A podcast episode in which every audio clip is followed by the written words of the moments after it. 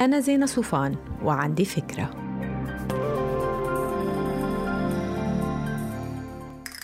هاي ما بعرف إذا سمعتوا عن ناس بيتبنوا بحياتهم أسلوب ال minimalism أو التقليل والتبسيط والاختزال. يمكن وقفتوا بجاليري قدام لوحة كبيرة ما فيها غير لون واحد وشخطة ونقلكن إنه هاي بتمثل مدرسة ال minimalist. اليوم في ناس كتير بيقولوا إنه تبنيهم لهاي العقلية كأسلوب حياة جعل منهم الناس أكثر سعادة بحياتهم. الموضوع مش لازم يكون بحدوده القصوى. لما الناس بيتركوا الحياة المدنية وبيروحوا بيعيشوا بالأحراج حياة بدائية بلا كهرباء. نحن كلنا فينا ندخل على حياتنا القدر الملائم من البساطة ورح تشوفوا كيف التقليل بيعمل وفرة. حياتنا العصرية عجقة بطبيعتها ومادية لحد كبير وحب التملك لذاته هو مرض من أمراض العصر. لما منتبنى عقلية التقليل نشتري الغرض اللي نحن محتاجينه بغض النظر عن ثمنه على فكرة.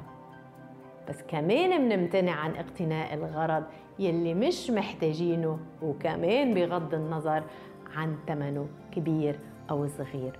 مع الوقت هيدا بيأمن لنا وفر مالي لنعيش تجارب أفضل بحياتنا مثل السفر على سبيل المثال. بس الأهم إنه التبسيط بفضي راسنا من داتا وبيانات ما إلها عازة.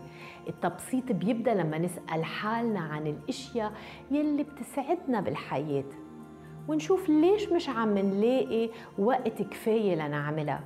هل لأنه عم نعمل بوقتها أشياء من باب التعود لكن من دون متعة حقيقية؟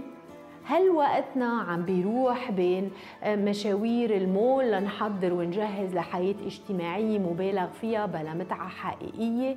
هل عم تمضي حياتنا بين تجديد الفرش والتياب والأكسسوارات بين المواسم؟ هل نحن مبديين بهالمعنى شوية أغراض مادية على نفسنا؟ هيدا هو السؤال.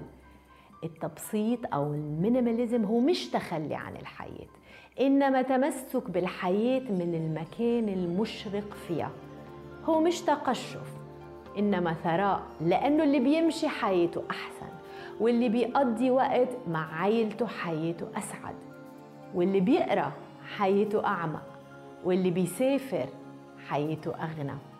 ما تكونوا أغنياء بمقتنياتكم كونوا أغنياء بحياتكم ما تنسوا تعملوا download للفكرة تعطوها rating وتساعدوني بنشرة. bye